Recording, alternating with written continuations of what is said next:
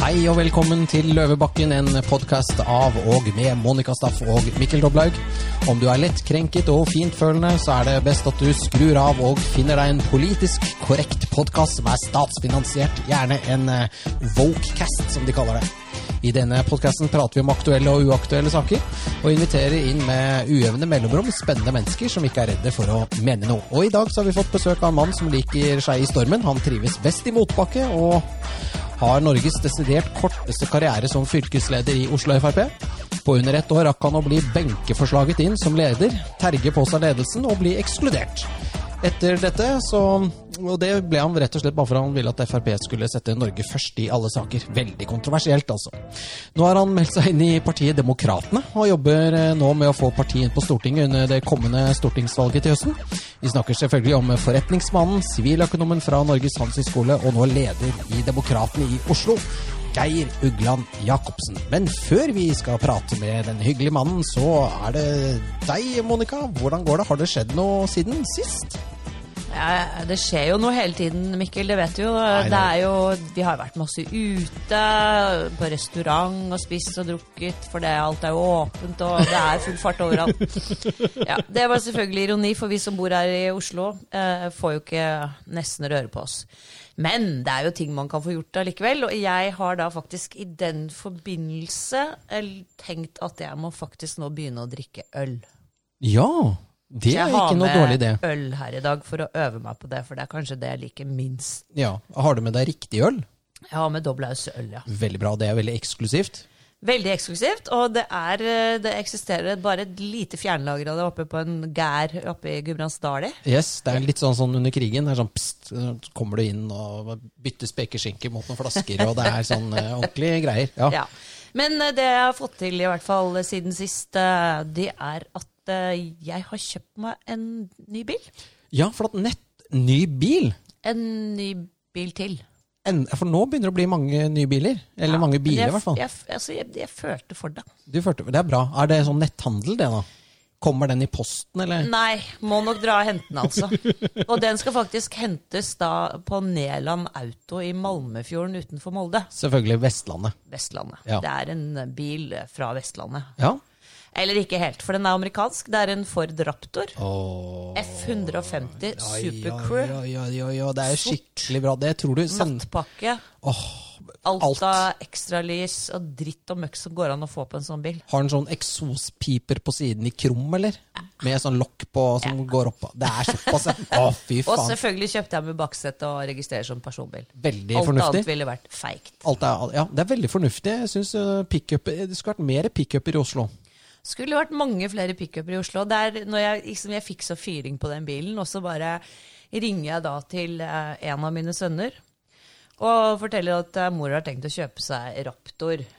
eh, og, og, dette er min sønn på 26 år. Han var sånn Ja, mamma, det er jo ganske dust bruk av penger, da. Det er du ikke i det hele tatt. Ja, så sier jeg til han, du vet hva, gutten min, det er du som er gutt og 26 år. Ja, det er du det er som skal du kjøre som den. skal ha lyst på en sånn bil, Ja, ja. ikke mora di. Nei, nei. Det er det verste jeg har hørt. Ja, det er jo helt Men prøver du å sende et signal her til noen, eller? Ja, altså Det som er greia, er at jeg har fra før en bensinbil med en svær motor som brummer. Ja, det er en sånn AMG-trimma annet, Ja, vi var ute og kjørte den i Vi stedet. var det, jeg- ja, jeg vet det. det er, jeg skulle aldri kjørt den, for nå må jeg ha en ny bil òg. Nei, altså du kan si at uh, Han spurte meg hva skal du med den bilen, mamma. Så sa jeg jeg skal kjøre til Samson og kjøpe kaffe. Ja, For eksempel. hver dag. Hver dag. Sånn, sånn måtte på Eh, det. Ja. planen er faktisk å uh, altså Jeg skal fylle opp så mange fat med bensin som det er plass til på planet på den uh, pickupen. Ja, Skal jeg kjøre den utenfor hos Lan Marie og Eivind. Nede i Borggården? Ja, skal jeg bol Nei, ikke i Borggården, hjemme hos de. Hjemme på gata, ja. Og, og så skal jeg bolte den fast. og, og så skal jeg sette den på tomgang med en stein på gassen. Og så skal den bare gå der og bare surkle. Skal den stå der og gå. 1000 liter bensin på, på Mm. planet. Og så skal jeg ringe på skal jeg spørre, skal jeg spørre Eivind og Lan Marie om hva Hva tror dere fungerer best? Pisk eller gulrot? ha det på badet. Ha det på badet. Ja, veldig, veldig, veldig Neida. bra. Ja. Du, jeg gleder meg veldig til å, å få den bilen. Det blir koselig og artig å ha en kaffebil. Mhm. Og gutta har kommet på bedre tanker, og de har insistert på å dra opp og hente den. Veldig bra. Ja, Ja. det blir litt av tur. Så jeg er veldig fornøyd med kjøpet, og det har jo vært et lyspunkt i en ellers tung hverdag når eh, man bare må sitte inne og se i veggen. Ja, De det. sier jo det at du, du kan ikke kjøpe lykke for penger, men uh, du er jo motbevist det nå. Ja ja, det er bare tull. Klart man kan det. Uh, dette er jo Bilen ser farlig ut, og, og er farlig, for den har uh, svær, diger motor. Og det er ikke skrevet noen bøker om hvordan man skal overleve i, med en Raptor, eller i en Raptor. Det er jo bare å lukke øynene. Den men vår gjest overalt. her i dag Ja, ja, Han har ja, ja. skrevet bok om hvordan overleve i spesiell type kjøretøy. Så Geir, hva, hvilke kjøretøy er vi snakker om her? Da snakker vi om eh, motorsykler, eh, som har vært min lidenskap i alle år. Eh, helt siden jeg var veldig liten, så hadde jeg lyst på motorsykkel. Og det fikk jeg litt før jeg hadde lov til å kjøre igjen. Så den første mistet jeg faktisk, for vi, kjør, vi kjørte speedway rundt eh, en lekeplass oppe på Kjelsås. Da var vi i 14-årsalderen, og det tilfeldigvis manglet den sykkelen skilter, så den ble tatt inn av politiet. Da det måtte jeg løse ut igjen, da. De måtte betale løsepenger for å få den tilbake. Eh, Så det var det første. De var ikke så opptatt av at du bare var 14 år, altså det var skiltene. Det var i gamle dager var alt som veldig hyggelig, liksom. Ja, ja, helt klart. Vi hadde ikke noe greie på det. Vi var bare 14 år, men eh, fort gikk det, da. Ja, så, men eh, siden da så har jeg hatt mange sykler. Eh, jeg har vært igjennom eh, mye. Eh, hatt Er det sånn all- Harley og sånn, eller? Nei, det er først nakne sykler. Jeg begynte på 70-tallet med to- totakter og de ordentlig legendariske eh, 750 Suzuki og sånn med tresylindere og totakt. Eh, og blårøyk og god lukt og helt kjempegromt. Og siden har det vært veldig mye Suzuki og litt, litt andre merker innimellom også. Eh, men jeg har vært gjennom alle de nestenulykkene man kan være igjennom. Og det fant jeg at det, det er jo dumt at alle skal oppleve dette, for det, her er det stang inn, stang ut hele tiden. Og en del får dessverre stang ut, eh, og da får ikke flere sjanser. Eh, Så jeg tenkte, hvorfor ikke skrive en bok om alle disse nestenulykkene? Også de ulykkene jeg har sett og hørt om i, under min motorsykkelkarriere. Eh, samle det i en bok. Eh, bare oppsummere kort hva man lærte av hver enkelt nestenulykke. Eh, og la folk sitte i ro og fred foran peisen og lese om disse ulykkene. Det, det der er jo Hva heter boken? Ja, hva? Den heter 'Survival of the Fastest'. ja, meget bra. Meget bra. Men du, Hvilke forlag er den på? Hvor kan man få kjøpt den? Den er, på, den er utgitt på Alfa forlag. Og nå er det såpass lenge siden jeg utga den boken, så nå er det bare å bestille den direkte av meg. Da kan man bare sende meg en PM på Facebook, så kan man få den tilsendt. Veldig smart. Men det der å lære av andres feil, det er jo det i pilotverden. Da jeg sitter jo og gjør sånne ting som jeg leser ulykkesrapporter fra Civil Aviation Authorities. Det er veldig, Men det er det man lærer av. Da lærer du eh, å overleve i lufta.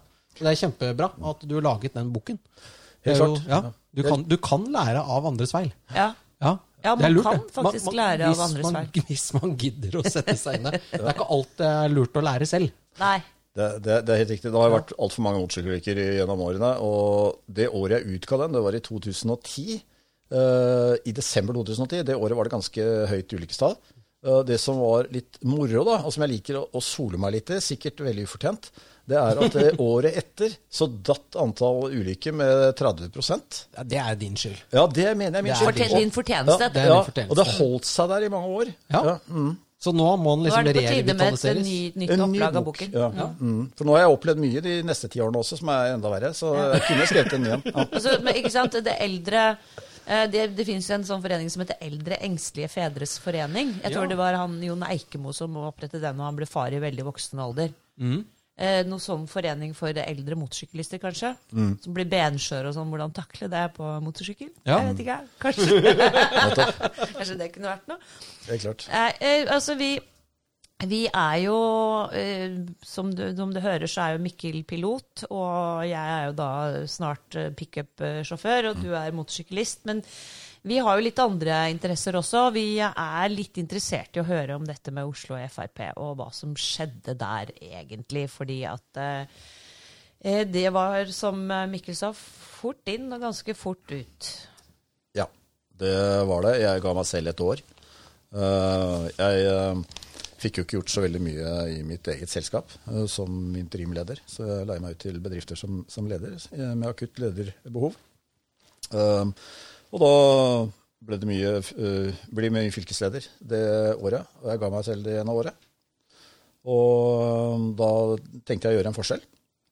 Jeg ville gjerne dra partiet litt i nasjonalkonservativ retning. Eh, det er kanskje fordi jeg nok bærer veldig mye av Anders Langes eh, DNA i meg, sammen med veldig mange andre Frp-ere. Eh, og følte kanskje at partiet var i ferd med å forlate sitt, eh, sin opprinnelige, eh, sitt opprinnelige ståsted. Hvor lenge har du vært medlem? Liksom? Ja. Hvor lenge har du vært medlem? Jeg har vært medlem siden tidlig på 80-tallet. Uh, Jeg startet med Anders Langes parti som listebærer i 1974. Det var det første valget de var med på. Uh, Da var jeg 16 år. Og så, da var jeg egentlig medlem av Unge Høyre. Men jeg tok den jobben, da. Og så syns jeg de hadde så mye bra for seg, da, etter hvert som jeg fikk satt meg litt inn i hva Anders Lange og, og disse sto for. Uh, men jeg meldte meg vel ikke inn før etter endt studie. Så det var da 83, tenker jeg. Du har jo vært medlem av Frp lenger enn Siv Jensen, for å si det rett ut. Hun var jo ikke bleier da du gikk rundt og delte ut lister. Ja, eh, jeg har det. Så jeg har, jeg har lang fartstid. Ja. Eh, Men jeg har ikke latt meg eh, drive i den retning som partiet har gått i de siste årene. Ja, for du føler at det er en sånn type glideflukt i, i, ut i noe nytt nå, kanskje? Ja, jeg vil si det sånn at eh, jeg har jo egentlig ikke forlatt eh, Frp, det er Frp som har forlatt meg. Og kanskje og seg selv? Og seg selv, kanskje? Og seg selv også. Ja, mistet seg selv underveis. Og er i ukjent terreng, vil jeg si. Jeg tror ikke det er noe stort marked der de befinner seg nå. Mm. Jeg gjør ikke det. Eh, når de mener at uh, nasjonalkonservatisme er det samme som nazisme, så trenger de også å oppdatere allmennkunnskapen litt, tror jeg. For det er jo det stikk motsatte ting. Det var mange som skvatt da de sa det. Mm. Ja. Eh, Det er jo det der med bindestrekskonservatisme syns jeg er en uting. For at enten så er du konservativ, eller så er du ikke det. Og det å være konservativ er jo Nødvendigvis så er jo du da for nasjonalstaten, for det ligger i hele egentlig konservatismens eh, ånd og sjel, er jo å bevare ting og skynde seg sakte. Eh, veldig spesielt. Men ok, men hva, hva skjedde, for å si det sånn? Altså, du ble benket inn, da. Var det noe dramatikk rundt det, eller? Ja, det var egentlig det også. For jeg følte meg jo ikke spesielt velkommen den dagen heller. For de møtte meg med en drittpakke. Eh, Jeg fikk, et, eh, fikk noen spørsmål i, i døra som eh, eh, hintet om at de nok ville prøve å kompromittere meg allerede fra første sekund, før valget skulle finne sted. Hvordan skulle de klare å kompromittere deg, da? Fordi de uh, hadde tidligere lurt seg inn på min uh, Facebook og uh, gradd seg noen år tilbake og funnet utsagn som de mente de kunne bruke mot meg. Er du, er du sånn som sitter oppe i rødvins eh, langt utpå natt og skriver eh, med caps lock og sånn, eller er, eller er det bare at du mener ting?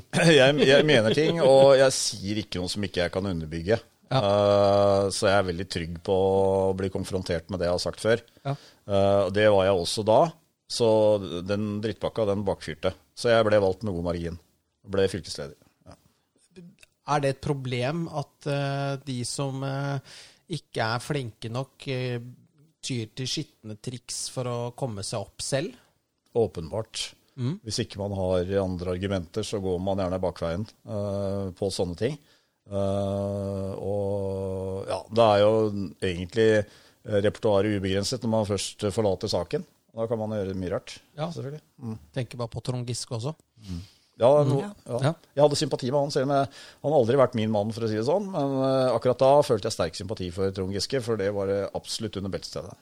Det er jo ikke noe tvil om at alle visste det fra før, at han var en uh, jentefutt og, og mm, kanskje muligens klåfingre, hva vet jeg.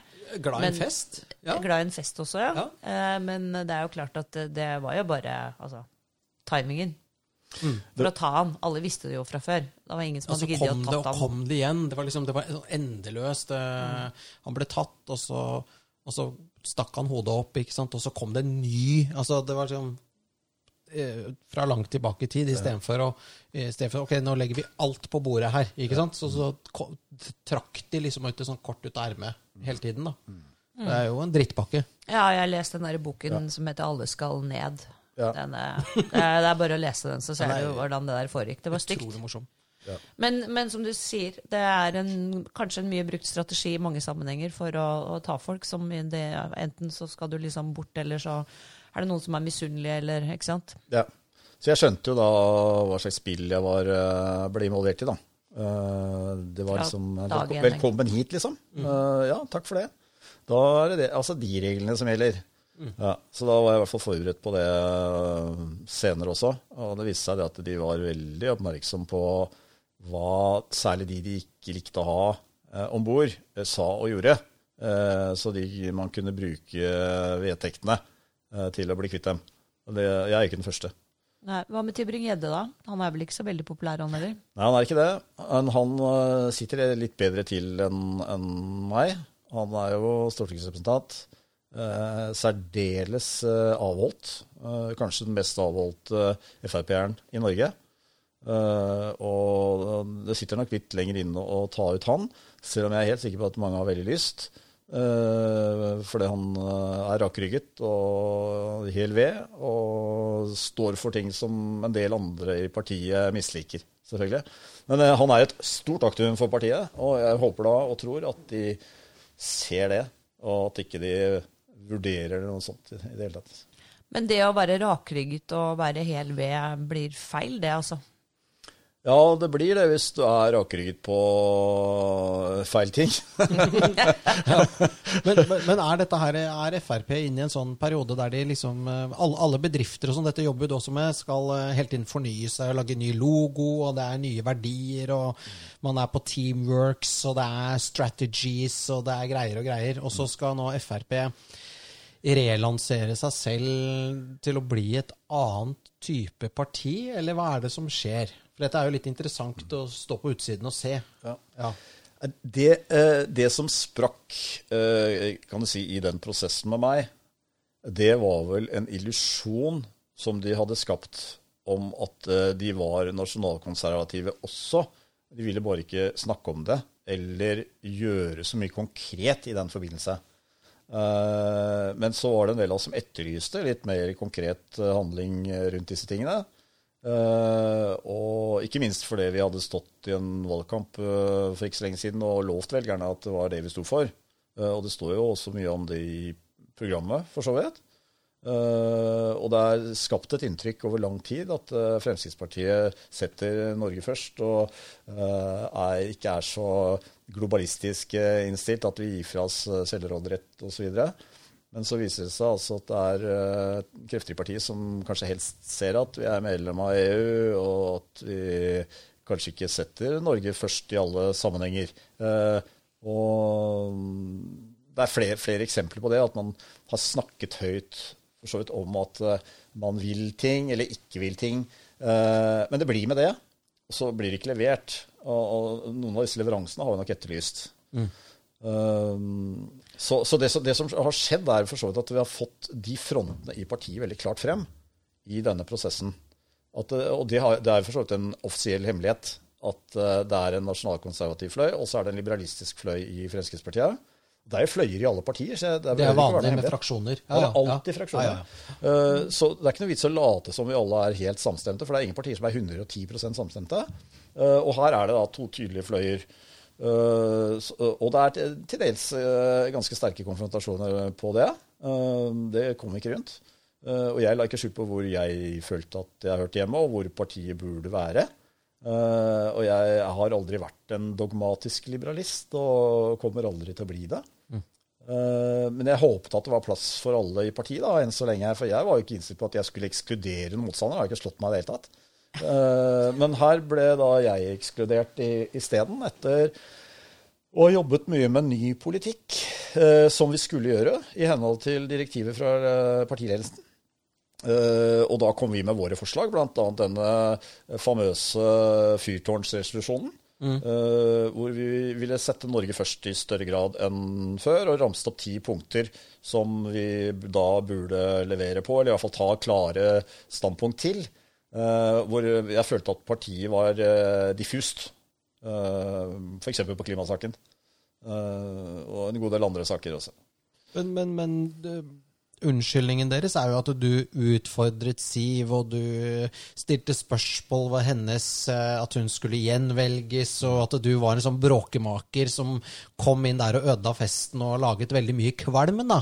Ja, og det, det er jo en sekundæreffekt. Eh, ja, for det primære er det jeg sier, er det politiske. Eh, sekundæreffekten er det at eh, jeg la ikke skjul på at det var visse ideologiske forskjeller i, Sivs og mitt politiske syn. Og at det var kanskje andre i partiet som jeg følte stemte mer for meg, da, når det gjaldt ideologisk samsvar. Og, og yes, det, det syns jeg er legitimt å si, og det, det er mulig det var det også. Men det, det som gjorde at det sprakk litt i sommer, det var rett og slett at jeg gjorde rede for eh, de teknisk, den tekniske gangen i valget av partileder og i oppsett av stortingslisten for Oslo Fremskrittspartiet. Dette ble veldig teknisk. Ja, og det, det er akkurat det der. Ja. Det, for um, reporteren sa ja, og så er det en selvfølge at uh, Siv skal stå på førsteplass i Oslo. Og så sa jeg nei, det, det, er ikke, det er ikke gitt, sa jeg, for vi har et partidemokrati. Uh, og da skal man igjennom en del nåløyer før man kommer dit. Og selvfølgelig så må man ha respekt for de partipolitiske eh, eh, demokratiske fora. Så må man, kan man ikke bare si at det er selvskrevet at én skal stå på førsteplass, når man skal igjennom et årsmøte og først og fremst bli valgt som partileder. For det var en forestilling at partilederen skal stå på førsteplass hvis, hvis partilederen befinner seg i Oslo. Og det er for så vidt greit nok. Men man skal bli valgt som partileder, og det årsmøtet hadde ikke hatt ennå, eller landsmøtet hadde ikke hatt ennå, og der velges partileder. Så jeg kunne ikke si det. Jeg visste ikke hvem som skulle være partileder jeg når denne listen skulle settes opp. Og så skal nominasjonskomiteen, som er suveren, sette opp et forslag til liste. Det var jo heller ikke gjort, da, selvfølgelig. Og så skal nominasjonsmøtet, som består av en rekke delegater, mens det er 60 delegater eller noe sånt, skal jo så velge de som skal stå på listen. Ja, og jeg kunne jo ikke forskuttere alt dette. Nei. Det er ganske åpenbart. Ja, det er helt åpenbart. Så, så, så, så jeg sa det som det var. For jeg syns med, med skam å melde at ikke jeg kunne bare si det at, at, eh, at uh, dagens partileder, som ikke nødvendigvis var morgendagens partileder, skulle stå på førsteplass i Oslo. Så jeg var veldig sånn, jeg var veldig, litt sånn der revisoraktig på det at ja, her må vi følge reglene, og vi må gjøre sånn og sånn og sånn. og sånn. Ja. Men uh, du vet at uh, veldig ofte når det kommer til sånne ting, så var det sikkert måten du sa det på. Det kan nok være det. Tonefallet. Du vet, det er så mye greier her. Ja. Mm. ikke sant? Det er sånn, Så retorikk er sånn Ja da, men det var måten, Måten han sa det på. ja, nettopp. Det var noe der som ikke jeg catcha selv, da. Men hva, hva skjedde så? Ble du liksom utsatt for en teknisk finte her fra Finansavisen, eller eh, hva? Ja, det var litt en teknisk finte, for det, jeg- jeg- det var egentlig et uskyldig sommerintervju. Eh, ja. Som kostet deg Og jeg følte ikke jeg hadde sagt noe kontroversielt i det hele tatt. Eh, og jeg dro med familien på tur på fjellet uten mobildekning eller noen ting.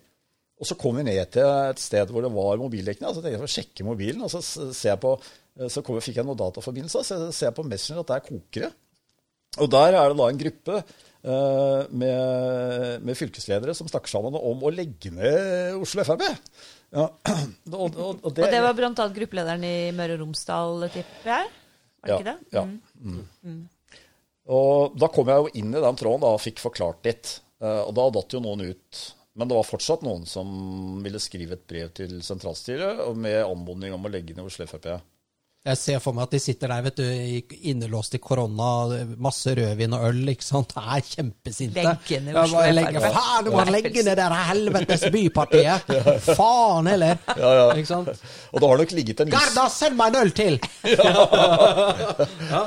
Og etter den fyrtårnresolusjonen så kan nok hende at den lysten har vært der hele tiden. At det her fant man da endelig noe å ta det på, da. Kan nok være det også. Ja. Det er heller ikke helt unaturlig at man liksom sitter bare og venter på et eller annet. Du skal si et eller annet som er litt grann dumt, Ja. som de kan bruke. ja. Og så fort, fort, hva skjedde? Så vi kan snakke videre på om andre morsomme ting. Som for eksempel. ja. Ja, bare hva, hva skjedde? Det som skjedde var at eh, s- Samme dag som de sendte den anmodningen til sentralstyret, så var det en luring som sendte den også til Stavanger Aftenblad. Så da kom jo alt ut, uh, selvfølgelig. Uh, det var i seg selv et brudd på vedtektene. Eh, men det var ikke så farlig, tydeligvis. Nei. Nei, det, så jeg må se litt gjennom fingrene med det. Uh, så, så det ble ikke så mye mer ut av det. Jeg reiste hjem litt tidligere fra ferie. Fikk tatt et uh, fylkesstyremøte, og vi fikk laget en erklæring om at selvfølgelig så skal partileder stå på førsteplass på listen i Oslo. Eh, det, det, det er ikke så selvfølgelig egentlig heller, for det, vi skulle bare, styret skulle bare anbefale nominasjonskomiteen at så skulle skje. Og nominasjonskomiteen er suveren og behøver ikke nødvendigvis å følge det rådet. Men det er vanlig å gjøre det, ikke Ja, det er vanlig å gjøre det. Ja. God kutyme. ja. Og snipp, snapp, snute. Så Var Geir Jacobsen ute, eller hvordan, hva skjedde? ja, Nei, jo, jeg var ikke ute da. Nei. uh, nei da. Og så, så, så, så, så går jo tiden, og uh, jeg erklærer at uh, jeg støtter Trump, blant annet. Det, gjorde, ja, det gjorde jeg helt på tampen. Men, men før det, altså for å ta det i riktig rekkefølge, så fikk jeg da til slutt et eksklusjonsvarsel som gikk på diverse uttalelser i media. Eh, Og da hadde de oppsummert alt fra sommeren og ut. Nesten alt jeg hadde sagt i media. Så falt ikke i god jord. Så jeg mener at alt var legitimt, og de hadde egentlig ingen sak, og det hadde de ikke heller. Men jeg følte meg ikke velkommen eller ønsket i partiet lenger, så jeg anket ikke. Jeg gjorde ikke noe mer ut av det. Det var vel kanskje naturlig? Ja. hvis man bare føler at du har en vegg mot Ja, deg. helt klart. Uh, og jeg, jeg hadde jo egentlig ikke noen nedside. Jeg hadde jo uh, lagt vekk en eh, innbringende jobb en lang periode for å få gjort den jobben der som ulønnet fylkesleder. Eh, så, så jeg var egentlig eh, sånn sett personlig like glad. Eh, det var jeg. Men så er jeg så politisk av meg, da, så det tok jo ikke så lang tid før jeg fant et nytt ståsted.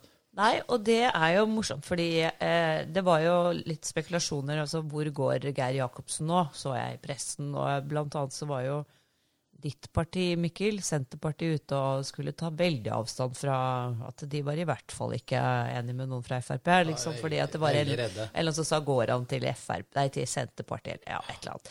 Men i hvert fall. Eh, så veldig mange som var da opptatt av å ta avstand. Det er det jo alltid i sånne sammenhenger. fordi Ja, at... eh, Feigeleken. Som det. fordelsfolka, som vi Ja, kaller det. De som går der hvor fordelen er. Ja. Må stå må ikke drive og ta avstand fra ting hele tiden. Det er bare feige mennesker som gjør det. Ja. Men det, ja. eh, du gikk da til partiet Demokratene. Det er et parti som er stiftet av tidligere Frp-er Vidar Kleppe. De utstøtte. De utstøtte, og de har vært i, eh, de har vært i eh, altså Kristiansand, Vidar Kleppes hjemby. Eh, I noen kontroverser rundt dette med han eh, eh, Stormberg-gründeren og kunstsiloen til Tangen og eh, noe greier. Ja, det er det jeg har fått med meg av partiet Demokratene. Uh, og når jeg da ser at en uh, fornuftig mann som Geir Ugland Jacobsen melder seg inn i Demokratene, så er det jo kanskje naturlig å se litt nærmere på det, for jeg har i grunnen ikke Helland dussen, sier jeg da. Hva skjer? Da står det ikke til påske, da. Nei, da står det ikke til påske.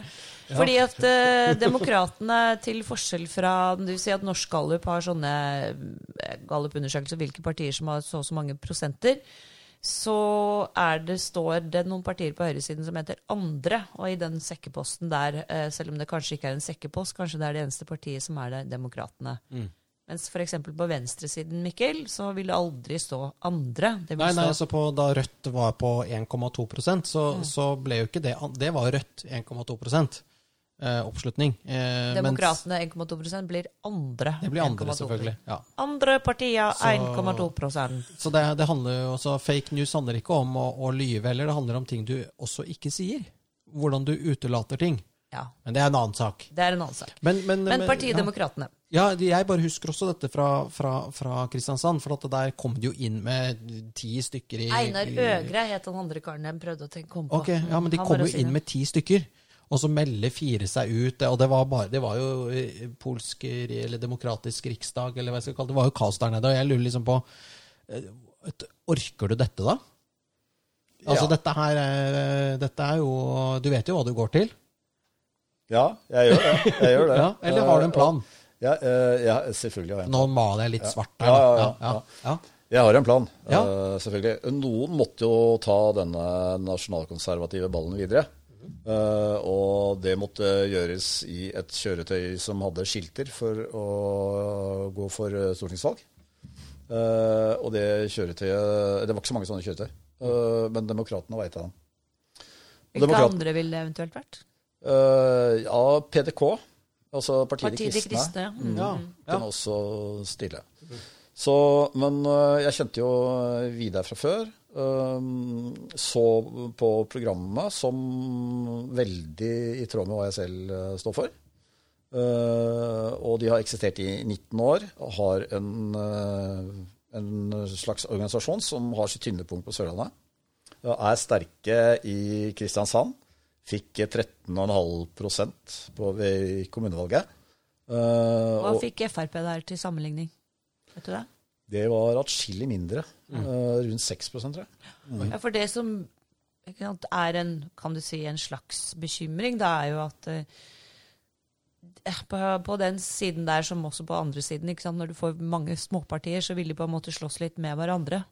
Ja. Og samlet oppslutning kunne vært bedre hvis man hadde operert under én paraply. da.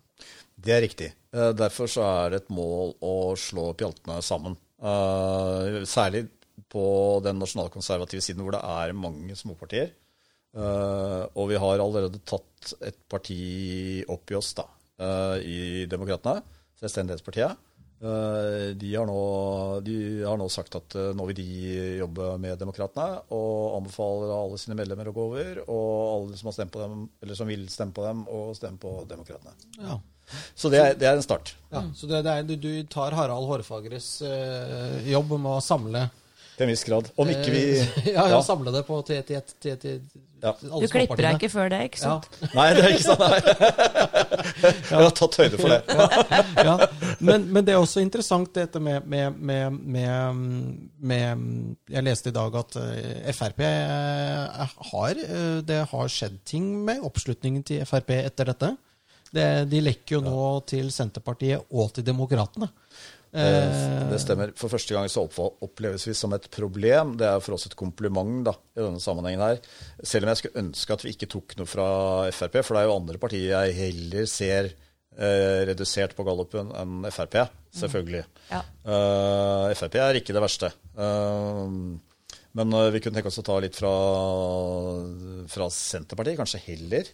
Eh, der sitter det mange frustrerte nasjonalkonservative som eh, ikke ser noe annet alternativ nå enn Senterpartiet. Vi mener at vi er nå et mye bedre alternativ. Vi er renskåret, eh, hardcore nasjonalkonservative. Samtidig som vi har et stort sosialt hjerte. Så vi er ikke på, på en måte så er vi ikke et ekstremt høyreparti heller. Vi er bare antiglobalister. Ja, men dere blir jo fremstilt som det. Ja. Ytterste, ytterste, ytre, Hva, hva ytre høyre. ytterste, ytterste, ytterste Ja, hva er det? høyre, Det er jo bare en merkelapp som er, Altså, er som er så- innholdsløs. Altså, bortsett fra at de liksom prøver å hekte det på det skal liksom nazismen, mørk stemme. som gjør Ja, nazismen høres, hører jo til på venstresiden. Det er jo nasjonalsosialisme. Mm. Så har plassert den på høyresiden det er bare rett og slett historieforfalskning. Mm. Eh, Så det jo, var jo et sjakktrekk av disse som Ja, ja, men, klarte å få det på den Få siden etter krigen. Men eh, så ytre høyre, hvor farlig er det, liksom? ja, er, dere, er dere ytre høyre, eller er dere bare høyre?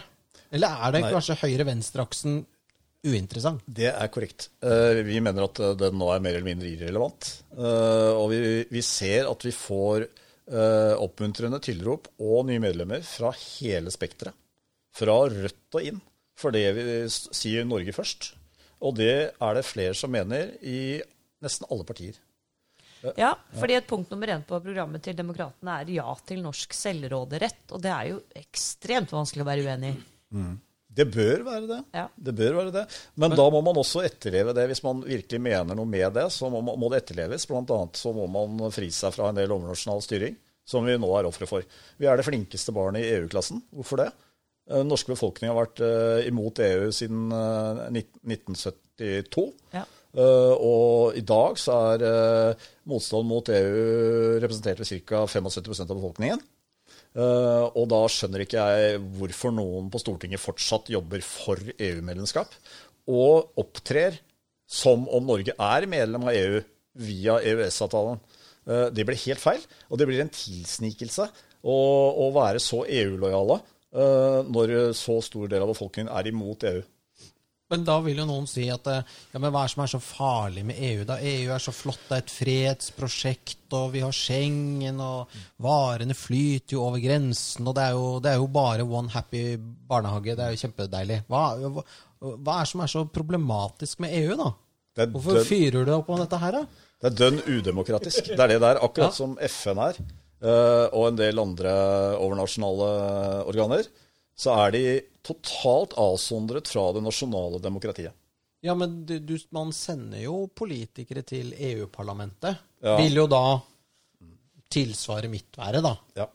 at, så det er jo demokratisk. Det er ikke det, for det blir altfor lang avstand. Det er lite demokratisk nok mellom det norske folk og det norske storting. Oi. faktisk. Ja. Det høres absolutt helt riktig Ja, ut. Hvis uenig, men jeg må bare være 75 litt sånn- av befolkningen er eh, mot EU-medlemskap, mens altså, det motsatte antagelig, altså prosentandelen på Stortinget er for, da blir det jo helt merkelig. Men hva kan det være at da alle politikerne, ikke alle, men mange nok politikere på Stortinget er for dette, mens elektoratet de eh, er der for å styre på vegne av, er imot? Hva er dette for noe? Du rakk opp hånden, Monica? Nei? Ja, nei, jeg skulle bare si at jeg Eh, eh, ja. Ja, jeg, jeg mener at det er en stor svakhet eh, ved det norske demokratiet. og Derfor så går demokratene inn for direkte demokrati i mye større grad. Vi er veldig for den sveitsiske modellen. Oi! Ja, Det er bra! Og vi kan tenke oss folkeavstemning et par ganger i året. Ja, for Sveits er jo ifølge meg i hvert fall det eneste ordentlige demokrati i Europa. Helt klart. Eh, og sånn som det er nå, så har vi ikke et funksjonelt demokrati av flere årsaker. Fortell. Først og fremst så blir ikke folk objektivt, uh, objektivt informert. Eh, og desinformerte velgere gjør demokratiet dys, dys, dysfunksjonelt. Det er det ene.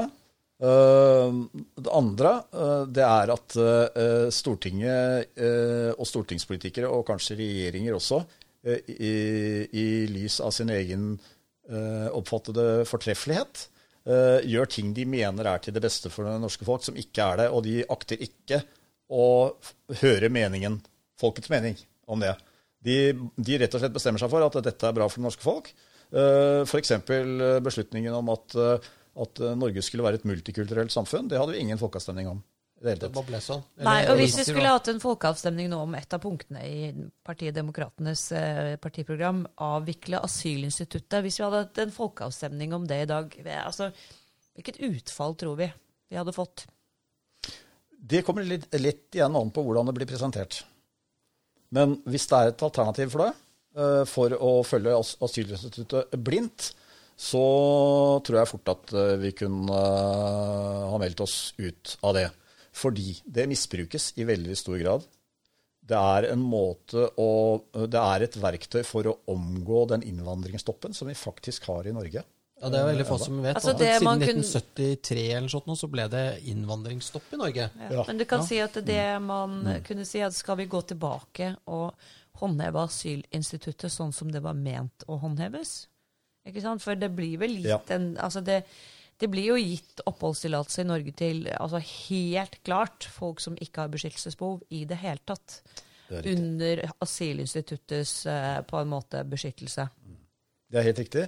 Og nesten alle som kommer inn i Schengen, sørfra eller østfra, eh, de kvalifiserer ikke til verken flyktninge- eller asylstatus i henhold til FNs regler. Det er, har jeg fra Frontex, det europeiske grensepolitiet, som har statistikk på det. Kun 2,6% av de som kom i 2018 eller 2019, kvalifiserte i henhold til disse reglene. Allikevel kommer de inn. Og ikke bare kommer de inn, men de får også permanent opphold. Det var heller ikke intensjonen bak eh, flyktningkonvensjonen. At de skulle ha permanent opphold. De skulle ha beskyttelse akkurat så lenge de tenkte det. Og så skulle de reise tilbake og bygge opp sitt eget land. Som ville være det naturlige å tro at de fleste ønsket. Ja. Og det setter en også i stand til å hjelpe langt flere. For da hadde ikke motstanden vært så stor. Hvis vi visste at ja, disse kommer her noen år, og så blir det fred, og så reiser de hjem igjen. Da er ikke det samme problemet som at de kommer til Norge øh, og får beskjed om at de skal integreres. Uh, og de får vite absolutt alt som har med velferd å gjøre, og hvilke regler som gjelder, og hvordan de kan få mest mulig ut av det. Og, og det var det. Og så blir de underholdt uh, på livstid. Dessverre svært mange. Ikke alle. Jeg skal ikke generalisere 100% men altfor mange. Og det er forferdelig dyrt for Norge, og ikke bærekraftig. Nei, og det at det ikke er bærekraftig, handler jo da om at eh, velferdsstaten eser og eser ut, og eh, det blir færre og færre som, eh, som eh, produserer noe som støtter opp under velferdsstaten. Og så vil jo disse her eh, MDG-folkene og klimagutta eh, stoppe oljeproduksjonen i Nordsjøen også. Det var jo et regnestykke på det. Hva, husker du det? Ja, jeg, jeg så tidligst, eller senest i dag på han Anders Magnus som intervjuet Lan Marie Berg om at de skulle avvikle oljeindustrien innen 18 år eller sånt nå. Det, er jo, det sier seg selv at det eh, er jo bare ren fiksjon. Men, eh, men dessverre så lever jo på en måte disse tankene eh, og denne fantasiverden hos en del politikere, da. Eh, og da kommer vi jo liksom inn på dette med Er det på en måte Er det for enkelt å bli valgt inn på Stortinget? Og du fant jo noe litt morsomt her, eh, Monica. Eh, et ord Jeg skal sette på litt musikk, for at vi må jo finne ut av hva det er. Men du kaller det ineptokrati. Eh, Ineptokratia er Norge et ineptokrati. Ja. Og da tenker jeg at jeg skal lese definisjonen av et ineptokrati, og så kan man på en måte dømme litt selv. Da trenger du Det blir litt sånn fjernsynskjøkkenet, dette her. Ja, det er koselig, da. Ingrid Espelid Håvig.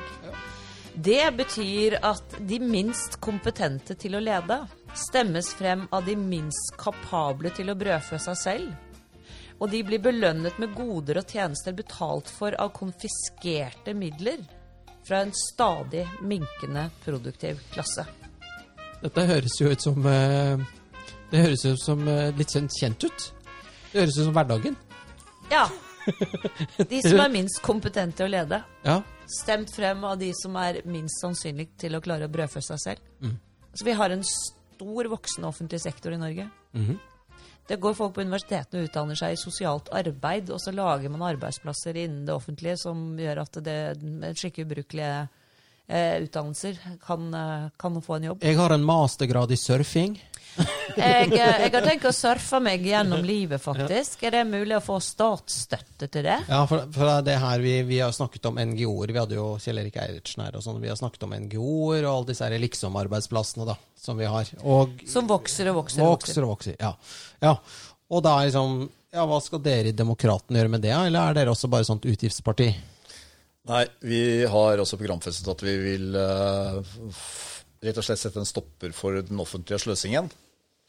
Og der har undertegnede også dratt den i eh, Fremskrittspartiet. Eh, Det er veldig mye å ta av i eh, offentlige budsjetter, dvs. Si kommune, fylkeskommune og statsbudsjetter. Og um, der er det faktisk mer enn nok til at man kan finansiere alt det som vi nå føler at vi mangler. Um, uten å ta noe mer av oljepengene. Tvert om det blir litt i overs, faktisk. Okay. Hvis man gjør dette riktig. Kan vi ha en fest for resten, Det eller? høres jo too good to be true, da. Nei, nei, men eh, Ja. eh, hva tenker du, For eksempel fylkessammenslåing Altså alt dette som skjer nå. altså Prosjektet til Høyre er det ingen som forstår seg på lenger. Men eh, med å lage eh, statsforvalter istedenfor fylkesmann, man skal lage Viken, et fylke det- som er så svært at ingen ingen vet hvor det er. Hva Så det siste, de skal, ta, de, skal, de skal finne et nytt begrep for lensmann. Ja, selvfølgelig. Som har, lensmann altså, som har blitt brukt i 900 år, eller noe sånt. Ja, for at det, hører, det er mann. Ja, Ja. eh, Lensmann skal Ja. nå byttes ut. Jeg bare sånn prøvd å spørre hvorfor. Hva er argumentasjonen for det? Ja, men Her brukes det bare penger på mye rart. Altså, Bullshit. Bullshit. Hva, hva er det dere altså, hvor er demokra altså, Dette er jo et nytt parti. Vi vet ingenting om dere. Hva skjer? Ja, vi har, vi har en, en rekke ting på programmet som vi med stor realisme kan gjennomføre hvis vi får nok oppslutning, selvfølgelig. Eh, Det må vi ha. Vi må ha et stortingsflertall for å få gjennomført ting. Eh, Og ikke at partiet vårt skal ha det, men i hvert fall uh, demokratene og våre allierte, da. I den grad vi har det. Ambisjoner er bra å ha. Ambisjoner er bra. Ja, og det er klart at eh, det, det hadde jo vært en slags I hvert fall for oss som er tilhengere av nasjonal sjølråderett. Jeg skal si at jeg er det selv, det skulle bare mangle. Eh, Jeg er ikke medlem av noe parti, jeg har vært medlem av Høyre, men så meg nødt til å melde meg ut når de tok hjem hun derre IS-krigeren. Ja, Ja, Da var begeret fullt for min da rant det over for deg. Da rant det helt over. Ja. Men Så det- nå når jeg har fått meg Raptor, så blir det kanskje Senterpartiet. Vi får se. Ja. Men, Men, eh, men problemet med å få oppslutning om ikke sant, dette med å bygge ned offentlig sektor, da, som egentlig er eh, ja, viktig for kostnadsnivået i forhold til at kanskje oljeproduksjon eller oljefondet vårt eh, ikke, sant, ikke vil være like stort i fremtiden, så er det jo såpass mange ansatte i offentlig sektor som selvfølgelig, og det, jeg ville sikkert tenkt sånn selv, er redd for jobben sin ikke sant? og livsgrunnlaget sitt. da ville sitt. du stemme på dem som vil at du ikke opprettholder jobben din. Det er jo noe av problemet. Ja, Nå er det ikke eh, bare hoder å kutte. Det kan godt hende at det blir det minste, men det er klart offentlig sektor er Han sa stor. 'kutte hoder'. Ja. Han er høyreekstrem. Det er Hørte dere det? typisk nær, næringslivssjargong, den må vi bruke her nå. Ja, jeg kan sammenligne det med Finland, f.eks., som klarer seg med mye mindre enn Norge. Eh, og har omtrent det samme tjenestetilbudet som eh, det vi klarer å få i Norge. Det er like stort land med de samme forutsetninger.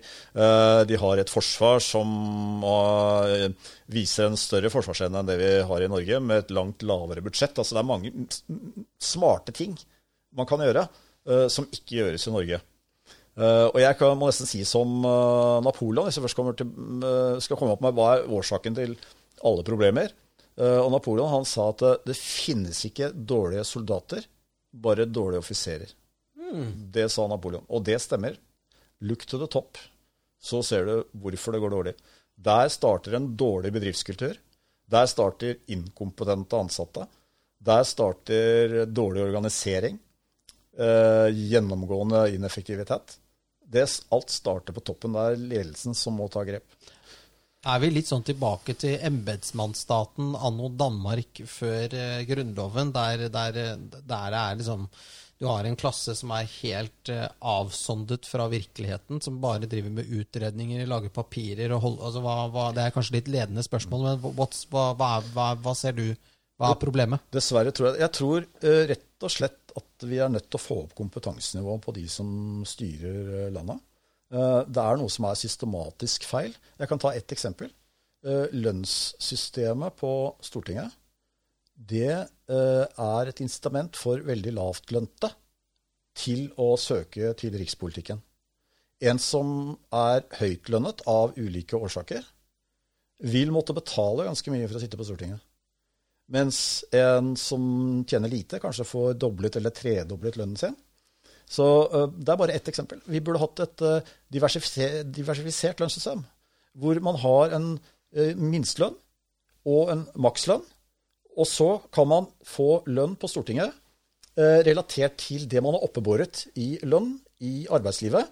F.eks. de siste tre årene før man kom på Stortinget. Men det er jo litt morsomt, for at eh, man får ikke lønn fra Stortinget, men det heter stortingskompensasjon. Er det det det heter? Ja, og Det betyr jo da at da skal Stortinget bare kompensere den lønna du hadde fra din tidligere arbeidsplass. For at når du blir stortingspolitiker, så mister du ikke jobben. Du er bare i permisjon. Så, det, så det betyr jo i egentlig utgangspunktet at Stortinget skulle bare kompensert den lønna du hadde i din tidligere jobb. Og så kunne man kanskje laget det sånn at alle fikk 200 000 ekstra, men det skulle dekke alle togbilletter, alle flybilletter, alle mobiltelefonregninger, alle taxiturer, alt. Eh. Ja. Ja. Og hvis du ikke brukte opp alle de 200 000 på det, så kunne du bruke, ha det selv. Ja. Eh, og hvis du brukte mer enn det, så eh, Og da har jo alle fått lik, likt betalt for likt arbeid, egentlig. Ja, helt klart. Eh, god tanke. Sånn som det er nå, så kan vi få en uh, masse lærere og sykepleiere og arbeidsledige og hva vet jeg på Stortinget, fordi de har incitament, et økonomisk incitament som er en del av bildet. Vi kan ikke underslå det. Eh, mens advokater som fakturerer 3 millioner kroner i året, får vi lite av. Sånn må det jo bli. Men er ikke det litt deilig å slippe de advokatene på Stortinget? Nei, men Du kan jo se på Høy Oslo Høyre som eh, Morten Stenstrup, som er advokat og som var villig til å avstå lønnen sin og, og gå inn i politikken. Blir jo, det kommer jo da ikke, ikke sant, blir, kommer ikke inn på listeplass som gjør at han kan komme inn på Stortinget. Og det handler vel om at disse med liten kompetanse ser seg litt truet av en som da kommer inn og faktisk har litt peiling. Ja. For eksempel, da. Jeg ja, tenker ja, at det blir vanskeligere og vanskeligere. He- Helt klart. Men du har jo også øh, leger, ingeniører, bedriftsledere, altså folk som presumptivt bør kunne mm, ta veldig rasjonelle avgjørelser, da. Eh, Og som har et, øh, en høy, en stor, høy kompetanse og mye kunnskap. Og man ville jo si at det var naturlig. Jeg husker, jeg husker på et tidspunkt hvor jeg syns at Arbeiderpartiet, når de var i regjeringsposisjon, at de var flinke. De hadde Åse Kleveland, f.eks., som kulturminister. Ja! Altså, altså, de, hadde, de hadde noen gode eh, ministre. Sånn som jeg tenker at Hvis du skulle bli olje- og energiminister, så bør du vel kanskje i bånn ha en utdannelse som tilsier at du kan noe om petroleumsindustrien. ja, ingeniøraktig eller et eller annet innen industri, da. og det Ja, ja. garantert finnes høykompetente mennesker i Norge som har jobbet både i oljeindustrien og som har jobbet med ledelse og som har jobbet med økonomi, som du kunne fått inn i disse posisjonene. Mm. Kan, men du, det er liksom ikke lov lenger å komme inn i de, disse posisjonene uten at du har gått liksom Broilerskolen. Ja. Ja, ja. Så stekt vafler eh, nederst i partiet liksom i starten. Det er blitt ganske voldsomt, fordi jeg tror at det hadde vært fornuftig, for da kunne du i hvert fall fått, fått inn gode folk på det nivået der. Jeg mener at, ja, ja, jeg mener at det skulle vært lovfestet at uh, stortingspolitikere ikke kunne, ikke kunne sitte på tinget mer enn to perioder. Det hadde også vært fint. For da, da må du videre. Og så burde det også nesten vært noe sånn eh, kompetanse Altså Du må jo ha førerkort for å kjøre bil, du må ha sertifikat for å kjøre last... Altså du må, alt i Norge må du ha et eller annet bevis på. Ellers så får du ikke lov til å drive med det. Men å bli politiker, det er jo bare fritt fram, det. Ja. Og det er ganske utrolig når man vet hvilket ansvar de faktisk eh, tillegges. Eh, at eh, man ikke stiller større krav til kompetanse. Det eneste man egentlig kanskje er fokusert på, det er jo sånne eh, identitetsting som kjønn, f.eks. Ja, at det ikke er noe Ja, Hva med de med tre ballesteiner, f.eks.? Hvorfor Ja, er ikke de valgt inn, eh, kvotert inn? Ikke sant? Eller Ja. Ja, eller enda flere ballesteiner. Ja, Seks. eller, ja, eller seks, eller folk med skjeve tenner, eller det er jo, Man kan jo kvotere inn endeløst her. Ja, ja, og hvis vi skal ha det riktige i forhold til liksom dette woke-opplegget, ja. så, så må man jo ha inn alt mulig. Ja. Det burde være en same, eh, og så er det sikkert noen med bakgrunn fra kvenfolket. Eh, burde jo være representert. Ja. Og alle som er tvekjønnet. ja. Uh, alle Alt som, må kvoteres inn. Det er ikke vits i å ha valget lenger. Du bare har datamaskin som bare sam, Ja. Nei. Ja, det er riktig. Så der ble helt Ja, hvor feil er dere der? Hvor er, det, hvor er demokratene i det woke-greiene som eh, Monica akkurat Der er vi ikke i det hele tatt. Uh, Det er vi definitivt ikke. Eh, Vi har ingen trang til å være politisk korrekte. Vi skal være dønn rasjonelle. Eh, Og vi skal jobbe til eh, landets og folkets eh, beste. Og da er det de kriteriene som gjør oss i stand til det, som teller. Rett og slett. Ja, fordi at rasjonale er jo blitt byttet ut med føleri. Og som du sier, altså identitetspolitikk, og det er hva man føler, sånn som denne saken med en gutten, nå husker jeg ikke helt hva han heter, som skal ut av Norge, Mustafa et eller annet. Ja, da føler man Og jeg har veldig stor er jo- sympati med han, faktisk. Jeg synes, uh, i- Ja, det er ikke noe kult. Det er ikke noe kult i det hele tatt, men, men vi må på en måte, vi har jo lover og regler, da. Og uh, det er jo innmari farlig å styre et land Jeg føler at vi må slippe ut mindre CO2, eller jeg føler at vi skulle hatt firefelts motorvei. Altså, jeg vet ikke. Du kan ikke føle Og på ja. ordføreren i Asker har bestemt at de skulle betale advokatregningene hans. Ja. Ja, Det er ganske voldsomt. Sympatisk, men ja. Det blir veldig, Sympatisk, men det er jo velgernes penger, da. det blir veldig sånn case-orientert, alt mulig. Mm. Det blir eksempler på eksempler, uh, istedenfor at man kan forholde seg til statistikk da, og gjennomsnittstall. Altså, la oss, la oss si at eh, eh, noe som har vært oppe mange ganger nå, det er hvor mye en, eh, en eh, kvoteflyktning koster. Uh, om SSB har jo kommet frem til at eh, ut fra dagens kroneverdi, sånn ca. 21 kroner, så koster de i snitt 20 millioner kroner. I et liv, livsløpsperspektiv. 2-0.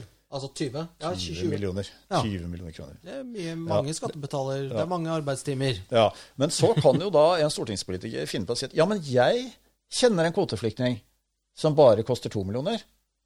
Ok, men vi snakker om gjennomsnittstallet her, beregnet av SSB. Ja, men jeg kjenner en som ikke koster noen ting. Og så sporer hele greia av. Ja, for det er sånn enkelt, enkelt greier. Og så kommer man frem med en eller annen solskinnshistorie. Ja, Det nettopp. trekker de alltid fram. Det. NRK.no så er det, ikke sant. Og det, og det er jo jeg selvfølgelig Jeg har jo truffet utrolig mange eh, altså, eh, Hva skal jeg si Vi hadde Shabana Rehman her. Mm. Meget oppegående ung dame.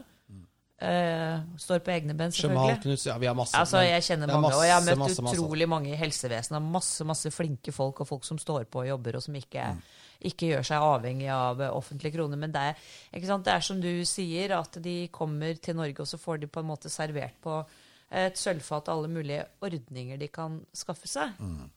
Ikke sant? Og det, du er jo litt tjukk i huet hvis du ikke gjør det òg, når du ser at dette er mulighetene. Klart. Og det er klart at det er lett å falle tilbake på den soveputen. Jeg ser jo den helt klart. Altså det, det er jo menneskelig å Det er menneskelig, og vi klandrer jo heller ikke dem. Nei, vi klandrer jo de som legger til rette for det.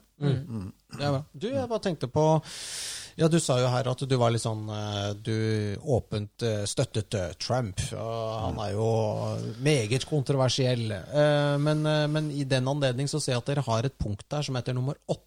Nei til sensur. Eh, Den har jeg ikke lest noen andre partier har. Eh, Ytringsfriheten er absolutt og grunnlaget for demokratiet.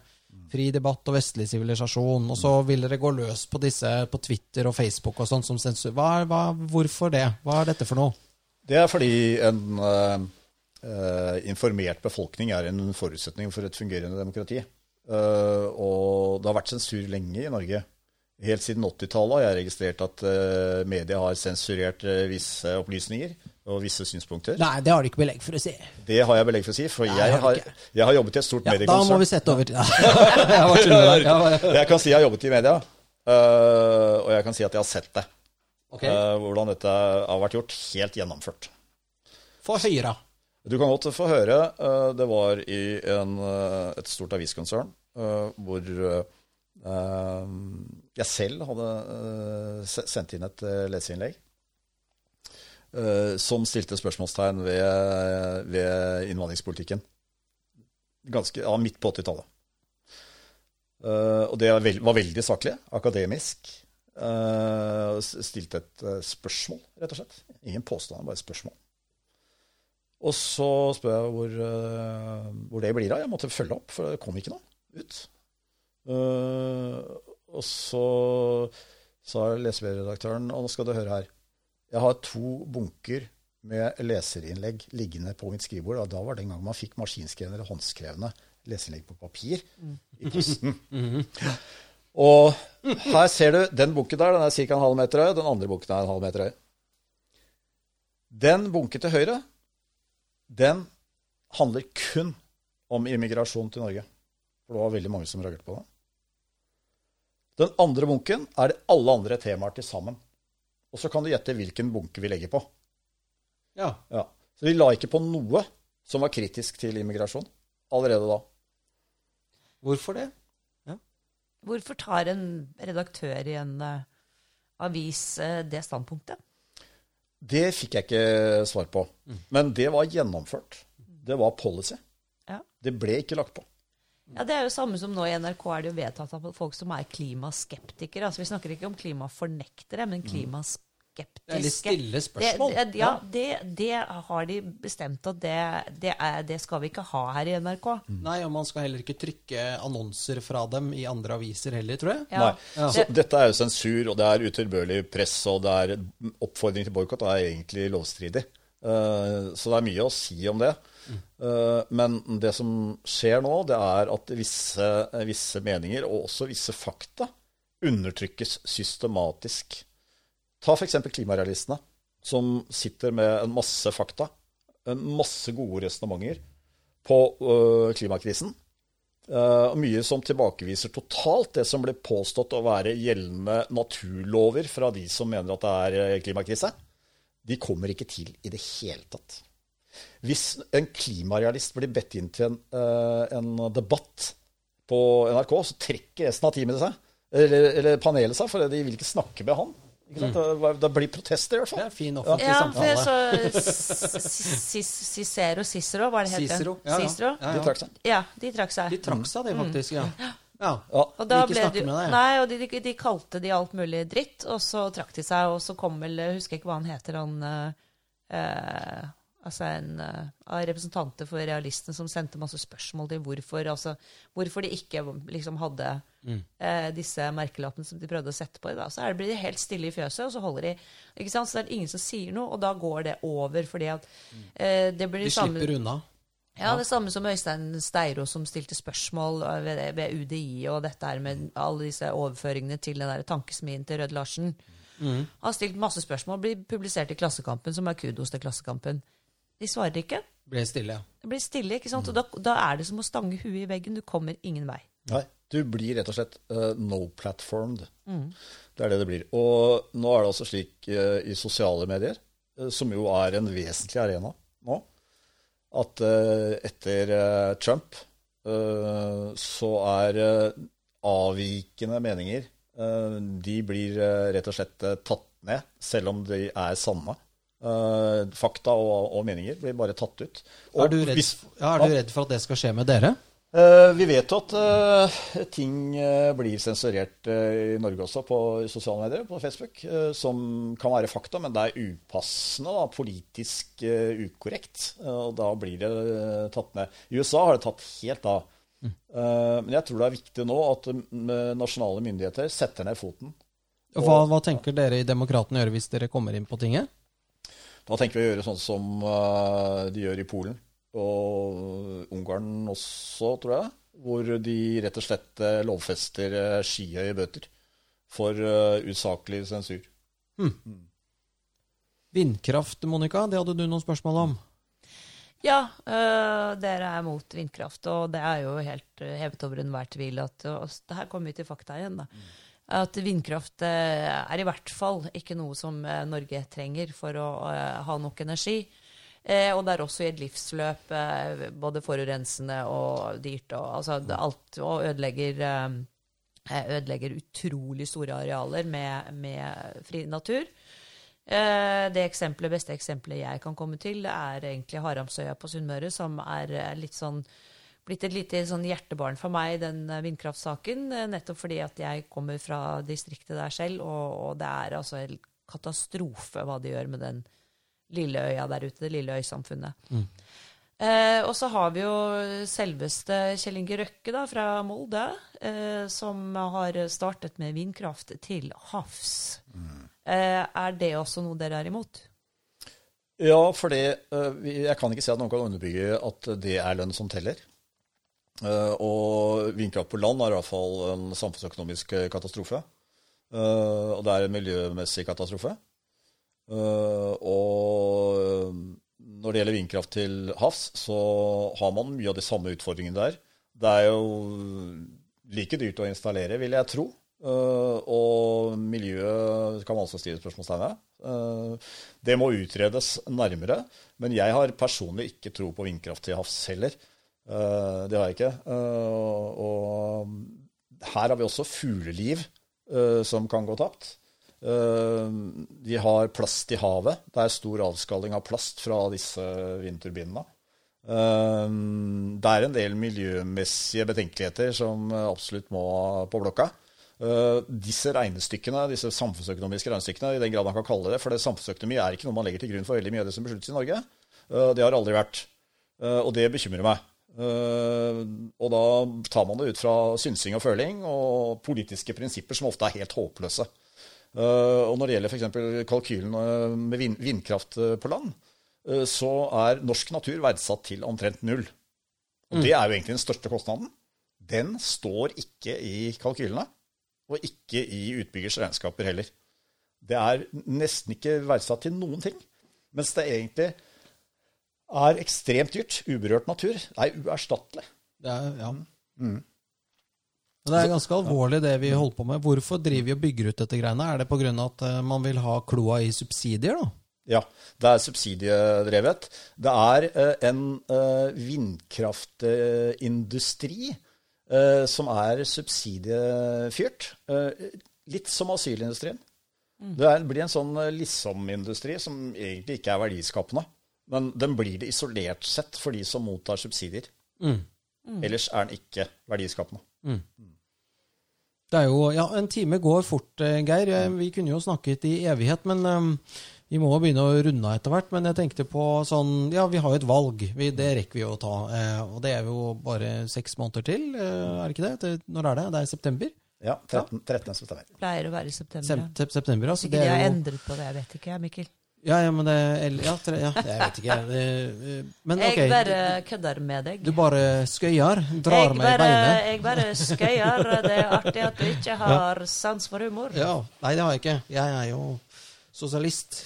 Ja. Det er det eh, jeg pleier å si når jeg av og til er inne på Twitter. Det er et veldig stort altså, fravær av eh, humor og humør. Humør. Du, apropos det. Twitter-greiene. Vår gode venn Øyvind Berg har blokkert meg eh, fra Twitter. Jo, fordi at han eh, kom med noen greier, eh, og så sendte jeg den der YouTube-filmen med den kaffeskvettingen på, på Oddekalv og lurte på om vi skulle ta en kaffe, og da ble det helt Da, da ble han rasende og blokkerte meg. Men det er, en, det er en annen historie. Så det blir ikke noe kaffe, da. Blir ikke noe kaffe, nei. Men, men det jeg bare tenker på, hva- er the master plan eh, for å komme inn på tinget? Er det realistisk? Altså litt sånn, Vi eh, liksom runder av litt. eh, Hva tenker du? Hva, hva, hva ser du for deg? Du bruker jo veldig mye tid på dette, så Ja. du må jo ha troa. Ja. Eh, dette er noe jeg bare ser på som min andre plikttjeneste for Norge. Uh, her ligger det verken penger eller maktbegjær eller noen ting i det for meg. Det er rett og slett bare å etterlate landet til uh, våre etterkommere den, i den stand det var da vi fikk det, og kanskje vel så god.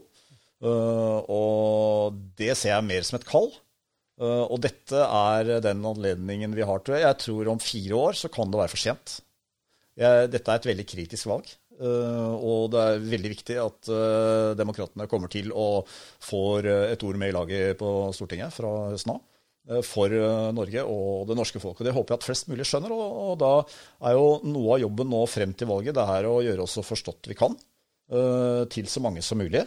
og også få folk til å innse at det faktisk nytter å stemme på et parti som kanskje ikke er på Stortinget nå.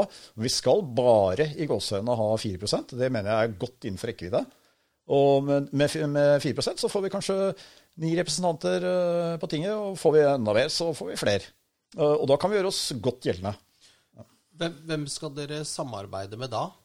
Hvis du, altså, da kommer de litt vanskelige spørsmålene. Ja.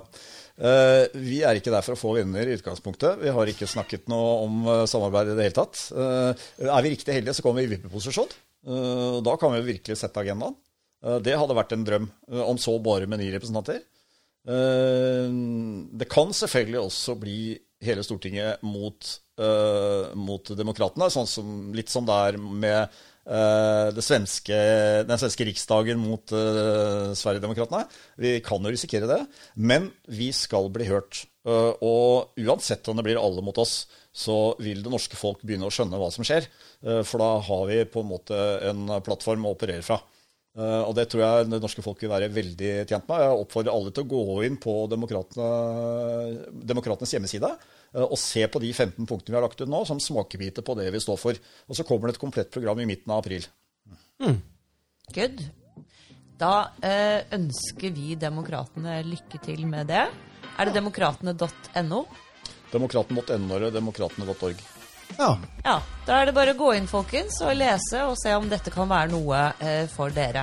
Ja. Det er jo alltid spennende med mer, mer på menyen, for å si det sånn. Ja. Eh, en, enda et måltid du kan eh, hva heter for noe, fortære på den politiske meny. Veldig bra. Eh, Monica, vi hadde jo en gjest her i forrige uke som eh, lærte deg en ny måte å, å si ha det bra på. Ja, du har ett minutt og fem sekunder på deg. til, å, til, til, å, øve på det? Veldig fint. Eh, til dere som har lyttet, send oss gjerne innspill på gjester dere ønsker å høre her i Løvbakken.